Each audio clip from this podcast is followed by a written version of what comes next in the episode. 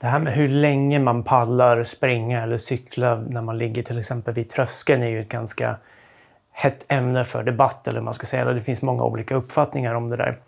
Inom cykling så har man ju till och med ett helt koncept som egentligen är tänkt att definiera tröskeln som bygger på vilken effekt man pallar hålla över en timme. Och det är ju då FTP eller Functional Threshold Power. Så liksom från början så var väl det, det beror lite på vem man frågar eller vilken historiebeskrivning man läser, men i grunden så var väl det ungefär då den medeleffekten som man höll under 60 minuter. Det skulle liksom representera din tröskel som ett sätt att, att uppskatta den istället för att göra ett tröskeltest då, till exempel. Eh, så att liksom din fysiologiska andra tröskel eller eh, laktattröskel eller eh, critical power då skulle ligga då kring FTP. Nu har man sett att det, det gör inte det, det korrelerar liksom inte på, Eh, på det sättet riktigt. Utan, och det, det, är lite det jag tänkte att vi skulle prata om idag, varför det inte riktigt funkar på det sättet. Men sen har man då gått, man har ändrat om det här och gjort det ännu mer extrapolerat bort från den här tanken och liksom utgått från ett kortare test, alltså ett 20 minuters test där man då ska ta en viss procent av det, 95 procent är det vanliga och det ska liksom vara ens eh, tröskel då. Då har man liksom gått ett ännu längre bort, ett steg ännu längre bort och liksom gjort fler antaganden då att alla ska ha samma fysiologi över hela spannet då, till exempel 25, 95 procent av en 20 minuters effekt ska alltid motsvara den effekten man orkar hålla i en timme. Då. Vilket liksom inte stämmer, det beror på hur man är funtad fysiologiskt och sådär. Så det, det är liksom ytterligare ett lager av antaganden och sådär.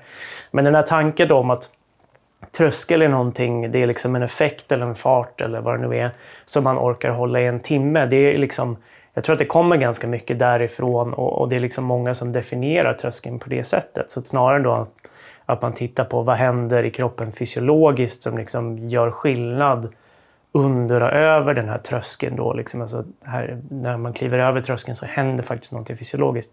Istället för att titta på det så har man liksom bara utgått från att den, det du orkar hålla en timme är ungefär det som är tröskeln. Då. Det har man i, delvis då testat i en relativt ny studie. Då. Det är inte första gången man testar det här med hur länge människor orkar anstränga sig på olika intensiteter. Alltså, Eh, man har testat när man ligger kring eh, maximal aerobic speed eller maximal aerobic power, alltså slutstadiet i ett VO2 max-test.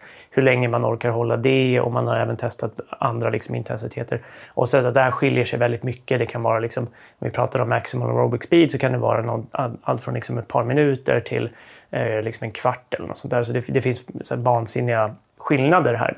Och I den här relativt nya studien då så har man testat bland annat det här. Då man gjorde en hel del andra tester. Men, men en av grejerna man gjorde var att man, man utsatte en grupp med jag skulle säga, ganska risigt tränade individer för dels då ett maxtest. Alltså ett ganska vanligt maxtest som man gör när man går till ett labb. Att man får ut sin första och andra tröskel och sin Eh, maximal aerobic power. Då får man även ut sin VO2 max då, om man mäter syreupptaget under tiden, vilket de gjorde i den här studien. Då.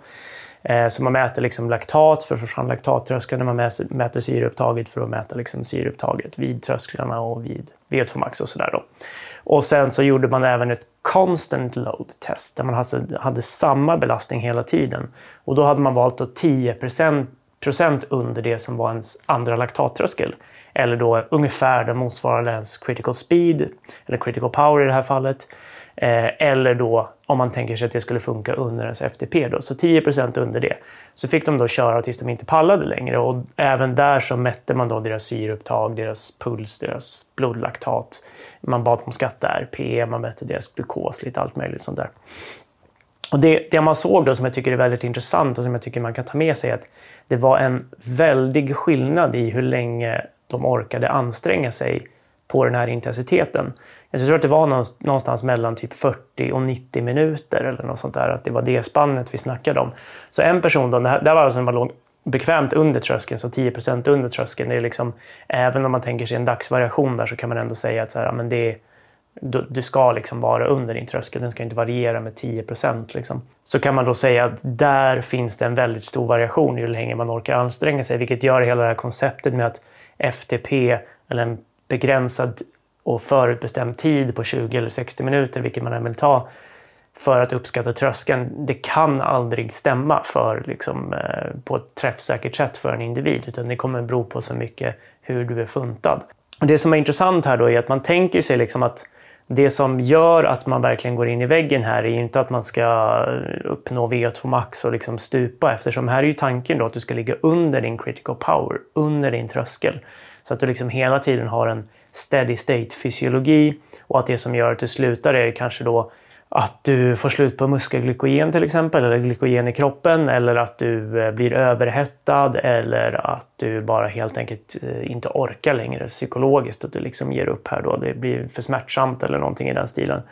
Eh, och det, man vet ju inte exakt varför de här människorna valde att ge upp, men det man kunde se var att på många parametrar så uppnådde man faktiskt en sorts steady state. Alltså de hade ett, till exempel ett syreupptag som var stabilt, vilket innebär att man nådde inte VO2 max då. Och det är ju ändå någonting som säger att de, det borde inte vara just den akuta ansträngningen som gör att de avslutar. Den, Eftersom man inte gav dem varken vätska eller mat under ansträngningen så skulle man kunna tänka sig att det var liksom överhettning, alltså skulle kunna vara törst, alltså att de bara de, de orkar inte hålla på längre för att de tycker att det är för, för ansträngande rent psykologiskt på grund av törst eller liknande.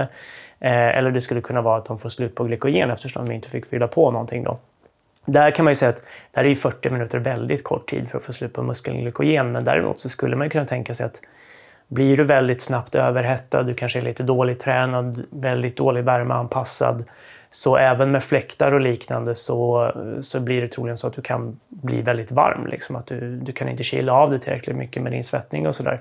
Så att man skulle kunna tänka sig att det var något sånt som gjorde att de slutade. Eller då att de blev för törstiga. Eller att de psykologiskt tyckte att de eh, inte orkade längre. För där såg man faktiskt ingen riktig steady state när det gällde RPE. Så det är, liksom, det är min gissning, som, eh, att de då inte helt enkelt inte pallade längre. Så jag tycker att det, här, det är intressant då, dels att man, man säger att du kan inte styra din träning utifrån din effekt över 60 minuter för att det kommer inte säga någonting. Om du blir bättre på det så kommer inte det säga någonting om varför du blev bättre.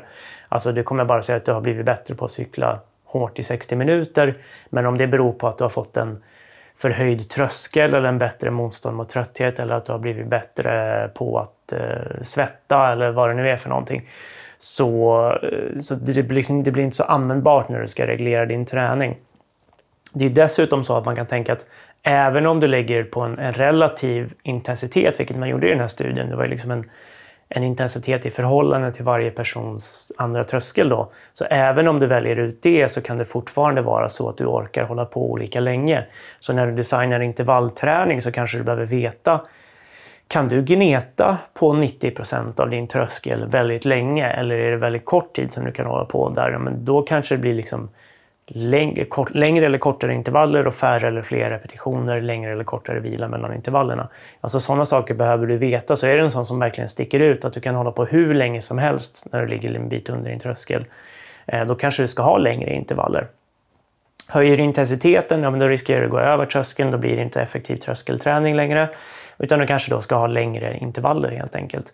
Är du en sån som når utmattning eh, mycket snabbare, då kanske du behöver kortare intervaller men fler av dem. Liksom då, så att du fortsätter att hålla nere din ansträngningsnivå och liksom inte, inte behöver ge upp eller att du eh, börjar producera för mycket laktat eller något liknande som gör att du har svårt att fortsätta. Då. Så det var det hela. Jag, har, jag beställde ju en ganska stor låda med såna här böcker i samband med att jag släppte den. Eh, och den har jag sålt ungefär hälften av nu. Så att eh, är du sugen på att eh, få ett signerat ex av den här så är det bara att hojta till mig. Det går ju bra att göra det på mail eller Twitter eller Instagram. Jag lägger in en skylt i slutet och i avsnittsbeskrivningen på podden. Eh, om du är sugen på det. Annars så finns den eh, till ett förmånligt pris på tyngre.se. Där kan du dels köpa den här tryckta boken utan mitt kludd. Eh, du kan också köpa e-boken eller ljudboken och då får du också med e-boken för jag tror att det är bra att ha. Eh, och det är eh, ett antal, ska vi se hur många sidor det är. Det är 204 sidor inklusive referenser eh, om typ sådana här saker som jag pratar om idag. Så tycker du att det är intressant så, så eh, rekommenderar jag verkligen att du köper den. Vi hörs och ses när vi gör det.